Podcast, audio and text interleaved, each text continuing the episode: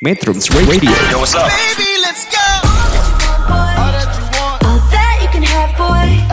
Got me spread like a buffet. Bon night, Now bon they appetit. always say congratulations.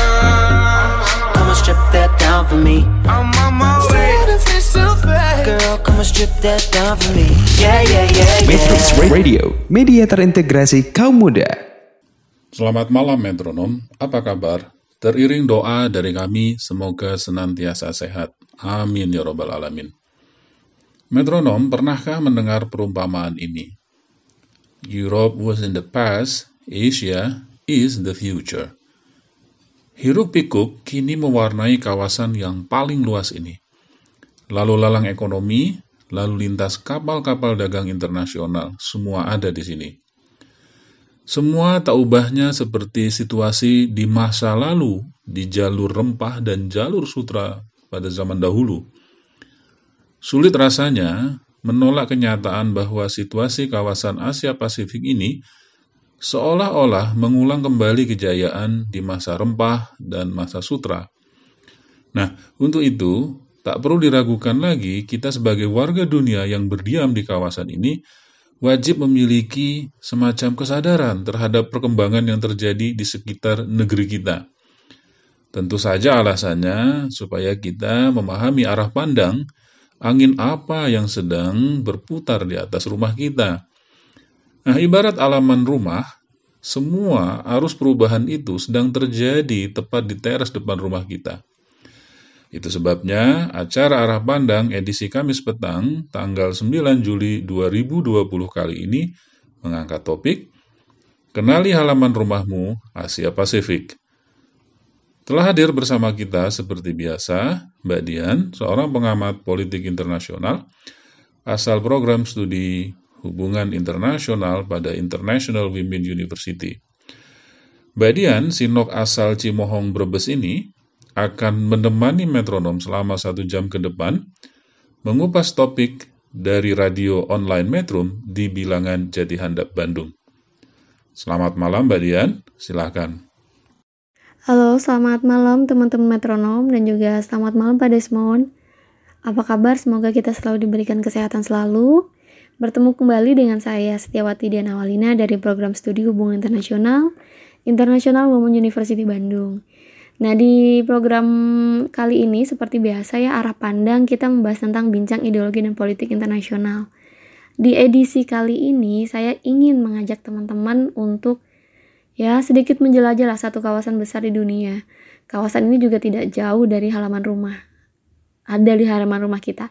Nah, negara kita juga terletak nih di kawasan ini. Kawasan ini disebut-sebut sebagai kawasan kerjasama masa depan yang paling menjanjikan. Nah, dari clue yang sudah saya sebutkan mungkin teman-teman boleh dibayangkan ya kira-kira kawasan mana yang besar yang clue-nya tidak jauh dari halaman rumah kita dan bahkan negara kita juga terletak dalam kawasan ini. Sambil dibayangkan, dibayangkan, dibayangkan ya.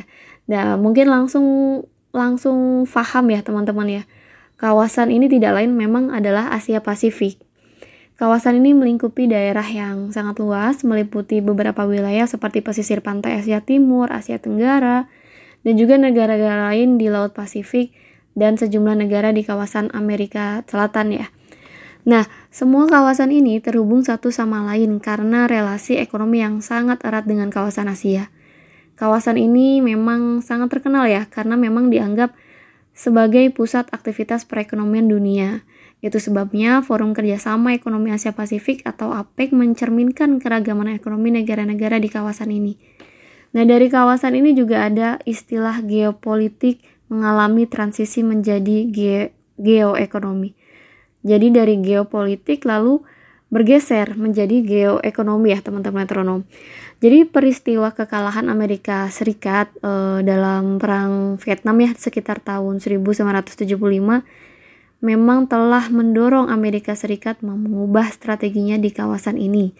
Dari instrumen yang mungkin awalnya adalah politik lalu e, berubah ke instrumen ekonomi. Nah, peralihan instrumen itu memang e, mendorong kemunculan bukan hanya istilah ya, tapi juga perilaku negara-negara di dalam kawasan tersebut. Nah, ada e, sebuah surat kabar yang memang uh, memberitakan hal ini yaitu Sindo News pada bulan Agustus 2019 ya. Uh, di dalam berita tersebut dikabarkan bahwa HSBC, salah satu bank terbesar di dunia, menyurvei sekitar 18.059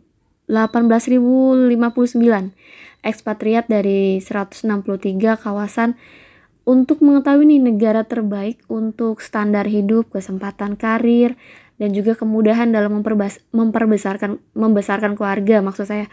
Nah, survei yang dilaksanakan oleh salah satu uh, lembaga survei ya, mungkin saya sebut saja, mungkin kalau tidak salah sebutannya seperti ini, YouGov pada Februari hingga Maret 2019 ya kalau nggak salah mewawancarai orang dengan usia minimal 18 tahun yang tinggal dari negara asalnya.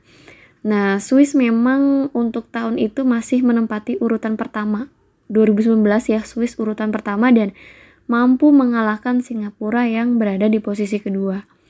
Nah, Asia Pasifik eh, termasuk juga Timur Tengah juga mendominasi 10 besar sebagai negara yang difavoritkan oleh ekspatriat. Nah, misalnya ada Selandia Baru, Australia, Turki, Uni Emirat Arab, dan juga ada Vietnam. Vietnam urutan ke-10 ya. Nah, kalau Eropa diwakili Swiss uh, urutan pertama dan juga Spanyol uh, menduduki urutan keempat. Nah, dari kawasan Amerika Utara dipresentasikan oleh Kanada pada urutan ketiga. Nah, Demikian sebagai pengantar mungkinnya yang bisa saya sampaikan di awal seperti biasa. Saya eh, sedikit kasih pengantar dan kita akan bahas lebih lanjut di sesi selanjutnya ya Pak ya. Nah itu saja dan jangan ke mana-mana ya tetap pantengin kita. Oh ya jangan lupa kembali eh, kami ingatkan kepada metronom bahwa Radio Metrum dapat didengarkan melalui mengunduh aplikasi Android Metrum Radio di Play Store Metronom satu aplikasi menjelajah berbagai platform. Bagi pengguna perangkat Apple, dapat menyimak program arah pandang melalui App Store online, Radio Box, Radiosnet, atau Radio.net. Atau bisa juga metronom eh, menyimak talk show ideologi dan politik internasional ini melalui metrum.co.id atau melalui Radio Garden atau melalui aplikasi radio lainnya. Bisa search saja Metrum Radio. Metronom dapat mendengarkan ulang rekaman talkshow berupa podcast di beberapa aplikasi podcast bagi pengguna perangkat Android maupun Apple. Caranya, search saja Metrum Radio. Sampai bersua kembali di sesi kedua. Metrums Radio Media terintegrasi kaum muda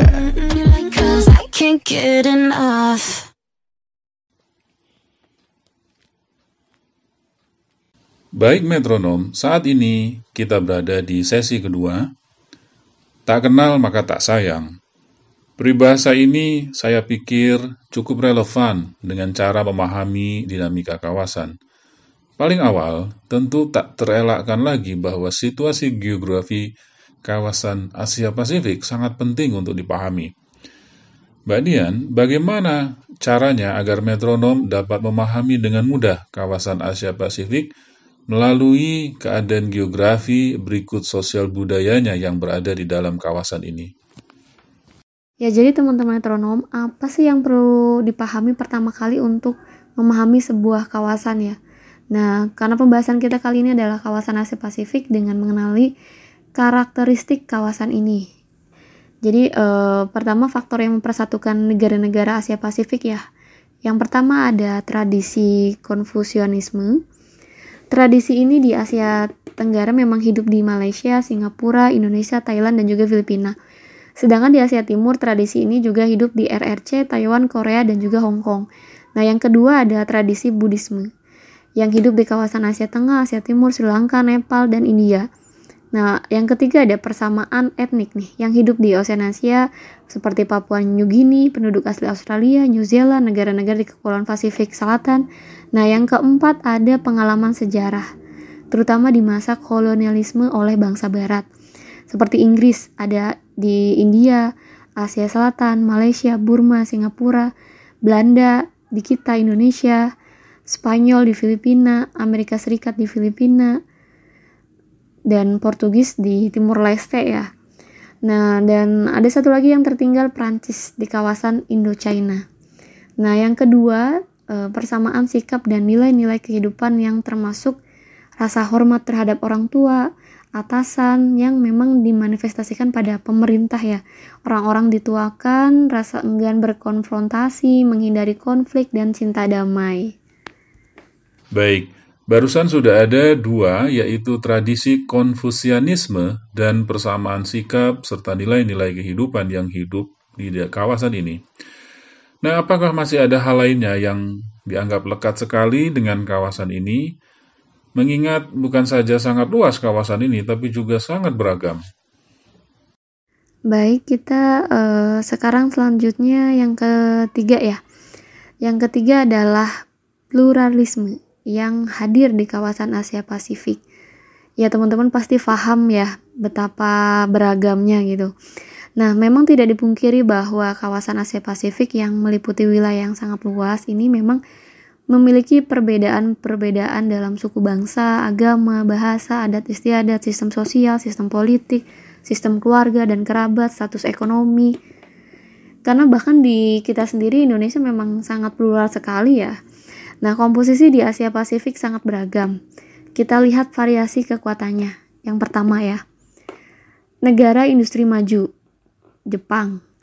Yang kedua, negara kekuatan menengah, ada Australia, Selandia Baru, yang ketiga, uh, kita bicara tentang uh, negara industri baru. Ini ada Hong Kong, Korea Selatan, Taiwan, dan Singapura. Yang keempat, negara calon industri baru. Ada Malaysia dan juga Thailand. Dan yang kelima, negara yang sedang membangun. Tentunya ada kita, Indonesia, dan juga Filipina. Dan termasuk negara miskin, Bangladesh. Adanya perbedaan yang sangat mencolok itu memang memicu munculnya hambatan dalam upaya membangun regionalisme yang kokoh. Nah, perbedaan itu memang akan semakin mencolok jika dipandang melalui regionalisme ala barat. Mbak Dian, tapi apakah masih ada peluang di antara negara-negara di kawasan ini untuk membangun semacam visi bersama? Tentu di luar semua keragaman yang ada yang tadi sudah disebutkan, yang semuanya kita ketahui, kita mafumi, sangat berpotensi menghambat. Iya Pak, jadi akan tetapi yang menarik adalah justru di balik perbedaan-perbedaan yang ekstrim itu adalah alasan kuat yang tumbuh di antara negara-negara di kawasan ini untuk terus memotivasi diri agar bekerja sama dan untuk tujuan mewujudkan kesejahteraan ekonomi di kawasan. Nah, keinginan ini berkembang sedemikian rupa uh, sehingga uh, saling silang dan terus mempengaruhi perilaku sebagian besar negara di kawasan Asia Pasifik. Boleh dibilang bahwa perpaduan antara perbedaan itu dan keinginan memotivasi diri untuk mewujudkan kawasan yang sejahtera itu ya mencerminkan dinamika konsentrasi multilateralisme seperti Indo-Pasifik, Belt and Road Initiative, New Southern Policy, dan New Southern Policy, APEC, ASEAN, ASEAN Plus 3, dan KTT Asia Timur, serta masih banyak lainnya. Nah, kehadiran begitu banyak format kerjasama di kawasan ini dianggap oleh sebagian besar pengamat sebagai tanda-tanda tingginya potensi ekonomi di kawasan Asia Pasifik. Jadi teman-teman metronom mungkin uh, sedikitnya yang sudah mulai mempelajari tentang Asia Pasifik ya dan dari beberapa kerjasama-kerjasama ini yang tadi sebutkan pasti beberapa uh, beberapa paham. Kalian mungkin sedikitnya sudah pernah mempelajari itu ya. Baik, demikian sesi kedua bersama Mbak Dian. Kawasan ini menurut penjelasan Mbak Dian tadi memiliki ciri-ciri uh, minimal tiga, yaitu tradisi konfusianisme, persamaan sikap dan nilai-nilai kehidupan, dan adanya pluralisme yang sangat mencolok di segala bidang. Metronom akan berjumpa kembali dengan Mbak Dian pada sesi ketiga. Metrums Radio Media terintegrasi kaum muda Baik metronom, saat ini Anda berada di sesi ketiga. Dengan segala pluralisme yang hadir di kawasan Asia Pasifik, Mbak Dian, tidakkah sedikit banyak itu berpeluang menyulitkan setiap aktor atau pihak yang akan menjalin kerjasama yang lebih erat? atau minimal memupuk rasa percaya di antara negara dalam kawasan besar ini? Ya, jadi teman-teman metronom boleh percaya atau tidak bebas ya. Nah, terlepas dari tingginya keinginan dan motivasi untuk membangun kawasan Asia Pasifik yang stabil, damai, dan sejahtera, selalu ada yang mengintai di balik itu. Tentunya ya teman-teman metronom. Nah, regionalisme di Asia Pasifik sangat sulit dipahami. Bahkan lebih sulit dibanding dengan regionalisme di Barat. Nah, kenapa kok bisa seperti itu? Karena uh, seperti yang sudah saya singgung di sesi kedua ya, bahwa Asia Pasifik ini sangat kompleks, bahkan lebih kompleks dibanding regionalisme di barat. Nah, kompleksitas ini yang sering dianggap sandungan dalam setiap upaya mewujudkan kawasan yang lebih terintegrasi. Ya, ya mungkin teman-teman bo boleh boleh searching ya isanya uh, sebuah organisasi yang memang mungkin kalau ala barat itu sudah cukup banyak yang berhasil gitu. Nah, yang paling mencolok dalam kompleksitas itu misalnya adalah sistem politik. Kawasan ini memiliki perbedaan sejak dahulu nih ya teman-teman metronom. Salah satu sebabnya adalah karena warisan masa kolonialisme yang berbeda latar belakang, tapi secara umum paling terasa dalam kompleksitas itu adalah adanya kecenderungan bentuk dominan dari otoritarianisme. Nah, karakter ini lekat dengan prinsip konfusianisme yang menekan pada cara hidup yang harmoni dan juga damai. Saya melihat ada catatan menarik di balik pertumbuhan ekonomi yang pesat di kawasan ini, yaitu bahwa pertumbuhan itu ternyata tidak selalu berbanding lurus dengan peningkatan hak-hak pekerja di sektor formal, termasuk juga eh, pertumbuhan iklim demokrasi, sistem politik yang ada di eh, anut oleh negara-negara di kawasan ini. Eh, suatu keadaan yang paradoks dengan pertumbuhan ekonominya. Bagaimana Mbak Dian melihat hal ini? Ya, selain politik di bidang ekonomi ya, ada pertumbuhan ekonomi yang pesat di beberapa negara lantaran memang uh, munculnya negara-negara industri baru. Nah, sisi otorit otoritarian ini uh, dan sisi pesatnya ekonomi di kawasan ini memang diduga jadi pemicu rendahnya perhatian terhadap aspek demokrasi dan penerapan hak asasi manusia. Sehingga isu-isu seperti jaminan kesetaraan buruh, demokrasi politik, minimnya upah buruh dan juga hak-hak umum perempuan adalah sangat kental ya Nah, satu hal lain yang kerap dilupakan ya dalam perkembangan kawasan ini adalah adanya gerakan neokolonialisasi. Mungkin bagi sebagian besar metronom hal ini memang kadangkala dianggap sudah tidak relevan bagi teman-teman untuk dibahas ya. Nah, padahal kenyataannya hal ini hidup di kawasan uh, di kawasan ini dan terus bertumbuh kembang apa aja yang dapat dijadikan contoh nekolonisasi di kawasan ini. Contohnya uh, umumnya terjadi di bidang ekonomi dan budaya ya. Bentuk perencanaan kota-kota besar di kawasan ini lebih banyak menyerupai kota-kota besar di Eropa dan Amerika. Dan keadaan itu turut pula ditu ditunjang oleh gaya hidup, cara berpikir, sistem pendidikan, dan semuanya cenderung mengacu ke barat. Jadi ya alhasil secara perlahan-lahan nilai-nilai tradisional terkikis dan digantikan dengan nilai-nilai baru dan modern. Mungkin teman-teman metronom uh, kita sama-sama paham ya. Dan kita kita sama-sama sadar uh, secara tidak langsung mulai dari yang sudah saya sebutkan mulai tadi gaya hidup, cara berpikir, sistem pendidikan kita tuh berkiblat ke barat gitu. Padahal kita sebetulnya punya gaya tersendiri yang memang seharusnya cocok dengan kita dengan budaya kita, tapi ternyata kita sudah ya perlahan-lahan nilai tradisional kita sudah terkikis. Di tengah derasnya arus foreign direct investment yang masuk ke kawasan ini, saya rasa tak berlebihan jika ada sebagian yang menganggap kerap ya membawa visi tersembunyi yang terkenal disebut sebagai bentuk ketergantungan baru atau alih-alih menyebutnya sebagai neokolonialisme di kawasan Asia Pasifik. Eh, bagaimana dan siapa saja aktornya? Mungkin Mbak Dian bisa mengelaborasi ini. Ya, kehadiran swasta internasional di kawasan ini merajalela dan hampir tidak sejengkal pun negara di kawasan ini yang tidak terjamah ya oleh keberadaan MNC dan juga TNC. Nah, e, mau tidak mau keberadaan mereka telah turut mempengaruhi kebijakan politik dan juga ekonomi yang dirumuskan pemerintah negara setempat. Nah, akibatnya apa? regionalisme Asia Pasifik makin sulit diwujudkan, malah makin besar peluangnya untuk memecah belah.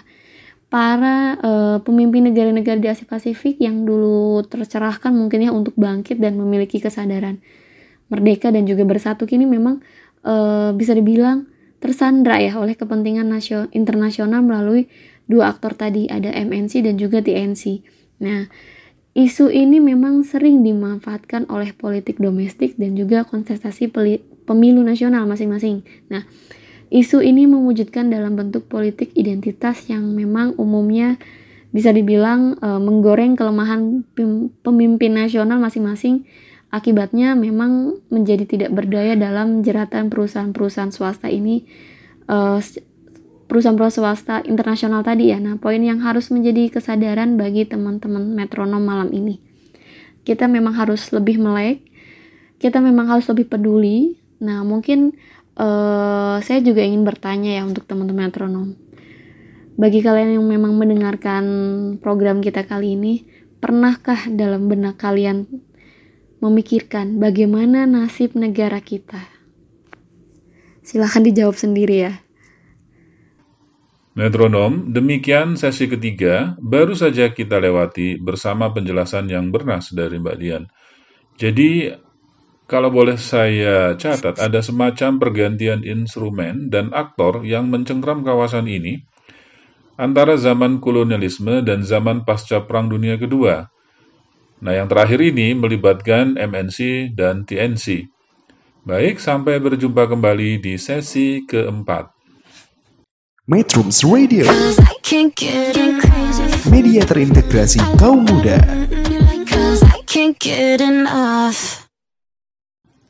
Metronom, tibalah kita di penghujung acara di sesi keempat.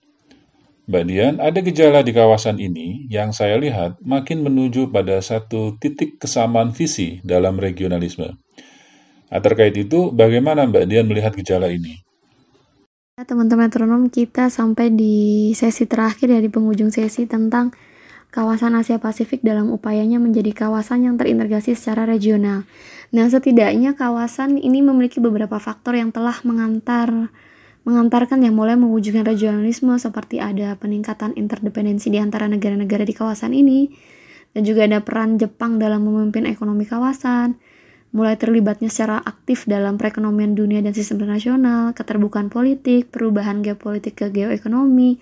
Nah, satu hal yang paling berkontribusi dalam perubahan besar yang tercermin dalam faktor-faktor tadi. Nah, akibatnya berakhir perang dingin. Runtuhnya sistem internasional bipolar di kawasan ini telah meruntuhkan gaya regionalisme lama yang selalu uh, terikat pada faktor perang dingin. Lantas, Adakah pengaruh regionalisme di masa Perang Dingin yang dulu sempat tersebar cukup merata di kawasan Asia Pasifik dan dampaknya cukup mempengaruhi kawasan Asia Pasifik itu? Ya sebelumnya regionalisme yang lama selalu terkait ya pada peran negara bekas penjajah dan selalu berujung pada kepentingan nasional negara bekas penjajah. Jadi alih-alih negara di kawasan Asia Pasifik, tapi kemudian meskipun telah ada regionalisme di masa silam, tapi bentuk kerjasamanya sangat superficial, alias lebih banyak ditentukan oleh negara-negara besar, bukan berdasar da bukan berdasarkan kebutuhan negara-negara di kawasan ini. Mohon maaf sekali, memang seperti itu ya faktanya. Jadi selain itu regionalisme gaya lama ini e, selalu menciptakan bentuk dependensi di bidang ekonomi, politik, dan keamanan. Akibat dependensi ini, usaha-usaha kerjasama di kawasan ini melalui regionalisme itu memang menjadi sangat terbatas.